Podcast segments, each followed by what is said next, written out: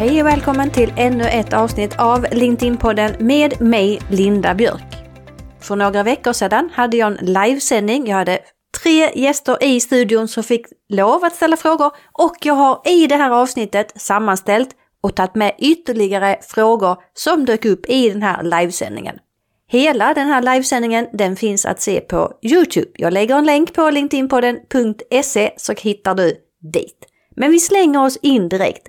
En av gästerna, Louise Jondalen, som jobbar på Helsingborgs stad, hon undrade över den här trenden med social search. Vi vänder oss mer och mer till sociala medier och söker efter tips, lösningar, rekommendationer och nyheter. Hur ska jag tänka gällande LinkedIn? Mitt svar, det är ju så att allting på LinkedIn, allt innehåll, allt som finns på profilen och allting som finns på företagssidan är sökbart. Dessutom så indexeras artiklar och nyhetsbrev av Google, vilket gör att de får ju ännu större synlighet utanför LinkedIn. Medarbetarna är viktiga eftersom de är ambassadörer och det är också viktigt att tänka på sökord i texter, både på profilen och på företagssidan. Sen kan du ha rekommendationer på profilen, på din service page och om du har också produktsidor på företagssidan. Det är ju jätteviktigt att det tydligt framgår och att det finns rekommendationer vem du är. Sen är det ju faktiskt så att när jag läste på inför livesändningen så 93% hade svarat på en undersökning att en online review har påverkat deras köpbeslut. Sen spelar det såklart om på vilken plattform man är på och vilket format man använder. Men det är viktigt och vi söker väldigt mycket i sociala medier. Se till att du visar ditt absolut bästa jag som företag och på din profil. Nina, som var den andra gästen, hon undrade varför ska hon kommentera på inlägg och hur gör man egentligen det bäst? Och det är ju så att LinkedIn lyfter kommentarer väldigt mycket i flödet och det är viktigt att lämna kommentarer, gärna lite längre kommentarer. Jag själv har råkat ut för att min kommentar har fått fler likes än vad själva inlägget har fått. Det var bara för några veckor sedan, då fick min kommentar 31 likes men inlägget fick bara 14. Jag har flera exempel om det här, men det är ju så att om du lämnar en kommentar och LinkedIn börjar då grabba tag i den, eller jag ska uttrycka mig, så är det också så att den kommentaren kommer att få större synlighet. Men jag vill också poängtera att det är jätteviktigt att du kommenterar som företag. Det vill säga att företagssidan behöver också vara aktiv och kommentera inlägg, för det ökar ju synligheten även där. Jag har länge sagt kommentera mera. Vad jag vill säga nu, det är kommentera mera och bättre. Så lämna hellre lite längre kommentarer. Du får synlighet, du hjälper den personen som har publicerat inlägget och det blir alltså win-win. En av deltagarna undrade över nyhetsbrev. Hur ska jag egentligen tänka med nyhetsbrev på LinkedIn och är det ens värt att skriva det? Och nyhetsbrev är ju ett format på LinkedIn som jag tycker funkar bra och som jag nämnde tidigare så indexeras ju de utav Google. Man kan skriva nyhetsbrev både på sin profil och på en företagssida.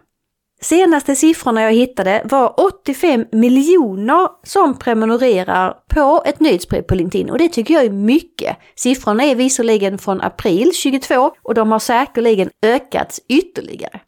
Det är 36 000 personer som skriver nyhetsbrev. Eller ja, det är säkerligen en del företag där i också, men det framgick inte i den här artikeln som jag läste på inför det här avsnittet. När du skriver det första nyhetsbrevet, ja då skickas det ut en avisering och uppmuntran att vill du prenumerera på det här nyhetsbrevet och därför rekommenderar jag att man har minst 1000 följare innan man börjar skriva ett nyhetsbrev. Som jag nämnde så indexeras de av Google och de aviseras också när du skriver nästa och nästa och nästa till de då som har valt att prenumerera. Tänk på att jobba med ditt nyhetsbrev frekvent när du skapar det första. Då bestämmer du dig för hur ofta är det som du ska skriva och det står också på nyhetsbrevet längst uppe hur ofta som du skriver. Jag har ett eget, LinkedIn Inspiration heter det och jag har över 10 000 som har valt att prenumerera på det och numera skriver jag en gång i månaden. Jag lägger länkar på linkedinpodden.se så kan du hitta mer information både om de här siffrorna, till mitt nyhetsbrev och också andra extra tips om de här frågorna som jag lyfter upp i dagens avsnitt. En annan fråga som jag såg bland kommentarerna, det var det här med skaparläge. Och skaparläge, ja det kan du ju ha igång på din profil. Rekommendationen det är att du ska ha det om du postar minst två inlägg per vecka. Det är en extra funktion som gör att din profil kommer att se lite annorlunda ut, men du får också fler funktioner. Bland annat så får du dina ämnen i form av hashtaggar överst på din profil. Du får bättre statistik, du får fler format och du får också bättre information om hur det går för dig på LinkedIn. Skaparläget utvecklas ju hela tiden, så fundera på om du ska använda skaparläge för din profil. Peter, som också var med som gäst i studion, han undrade hur ska jag tänka gällande hashtag? Och hashtag ska du alltid använda i dina inlägg. Rekommendationen är 3 till 5. Men hur ska jag då tänka om jag är en konsument, det vill säga att jag är den personen som läser inläggen. Hur ska jag tänka i den hashtag? Ja, som jag nämnde då, förutom att du ska ha 3 till 5 relevanta hashtag på dina inlägg så bör ju du som också konsumerar inlägg följa hashtag. För genom att du följer hashtaggar, ja då får du ett bättre flöde på LinkedIn och det blir också lättare att hitta ämnen som är relevanta och som du snabbt kan kommentera. Det blir alltså en ämnessida, så så fort du skriver ett ord med hashtag-tecknet, inga siffror eller någonting utan det är bara ett ord och hashtag-tecknet direkt intill, så skapas det alltså en ämnessida. Gå in och kika. Jag har en egen, Linda tipsar, du får jättegärna följa den om du vill och då får du ju lättare upp inlägg som handlar om det jag postar, som oftast är ju om LinkedIn. Men du kan ju såklart följa många, många fler hashtaggar och som jag sa så kommer det innebära att det lättar upp ditt flöde och det är lättare för dig att hitta inlägg som du vill kommentera. Det finns ett Chrome extension som jag kan rekommendera som jag vet att Peter också använder som heter Filtpod. Det kan hjälpa dig att hitta hashtaggar. Se till att du gör jobbet en gång och skriv upp en lista, kanske på de tio vanligaste hashtaggarna som du ska använda i dina inlägg. I mitt verktyg som jag använder för att schemalägga inlägg, SmarterQ, där finns det redan hashtaggar som jag har förberett och lagt in. Så jag klickar bara på en knapp och det är väldigt effektivt och bra. Men jag har gjort jobbet innan så jag vet ju vilka hashtaggar jag ska använda och vilka som har följare. Nina undrade, hur ska jag jobba och nå ut med företagssidor? Mm. Företagssidor har ju alltid lägre räckvidd och synlighet och det finns 59 miljoner sidor. Och när jag läste på så hittade jag också siffror att 2,7 miljoner sidor postar veckovis. Och här finns det ju en stor plats att ta. Så även om företagssidor har en lägre synlighet, så tänk vad som händer om du ökar takten. Och det har jag ju siffror på det också. Det är nämligen så att om det är så att du publicerar på företagssidan varje vecka så växer dina följare sju gånger fortare och du får 5,6 gånger fler följare jämfört med om du bara publicerar en gång i månaden.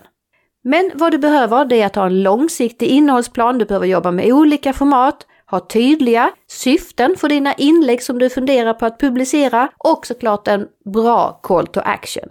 Det handlar om att det ska vara mindre om dig, mer om mottagaren och att du vill ha en dialog, inget post and ghost alltså.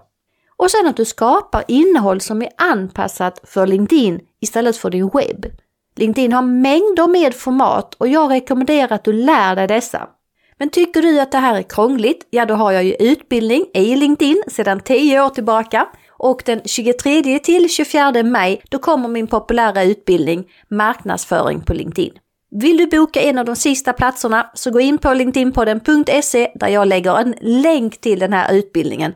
Och där hittar du också fördjupningsmaterial, bland annat hur man ska jobba med företagssidor, vad det innebär med skaparläget och där du kan hitta fler siffror. En annan fråga jag fick det var att jag pratar ju ofta att man ska jobba organiskt med LinkedIn, men givetvis så kan man ju både boosta och då sponsra inlägg. När ska jag göra vad och vad är det för skillnad? Och då är det så att LinkedIn har ju fortfarande en väldigt bra organisk synlighet om du jobbar med LinkedIn på bästa sätt, det vill säga med de här olika formaten, kontinuiteten, att du vill ha en dialog och ständigt dyker upp och även då kommenterar. Om det är så att du vill nå en specifik målgrupp, ja då är det faktiskt värt att börja titta på att annonsera på LinkedIn. Då kan man välja mellan boosta inlägg. Man klickar helt enkelt på boosta-knappen bredvid ett redan publicerat inlägg. Eller så går man in i Campaign Manager, alltså LinkedIns annonseringsverktyg och skapar annonsen därifrån. Jag rekommenderar att man alltid, alltid går in i Campaign Manager. Det är lite krångligare, men vet du vad? Du har många fler möjligheter, du har fler format och du har fler målgruppskriterier när du går in i Campaign Manager. Så det är min rekommendation. Jobba med organiskt innehåll och om det är så att du vill nå en specifik målgrupp, väldigt tydlig vem det är du vill nå alltså, då är det värt att titta på att annonsera. För även organiskt innehåll, ja men det kostar ju också pengar. Så jag skickar med en bonusfråga till dig här då och det är att du behöver ju veta vad är det värt för dig att nå en specifik målgrupp? För ofta så glömmer man att det kostar tid att ta fram innehåll och ja, tid är ju pengar, som du säkert vet. Här var det svar till dig på de här sju vanliga frågorna. Jag hoppas att de här hjälper dig. Tack för att du lyssnar på LinkedIn-podden. Jag heter Linda Björk. Kom ihåg att du går in och kikar på linkedinpodden.se där det finns mer material, både där du kan läsa mer och såklart till min kommande utbildning den 23 till 24 maj. Ha en fortsatt bra dag. Hejdå!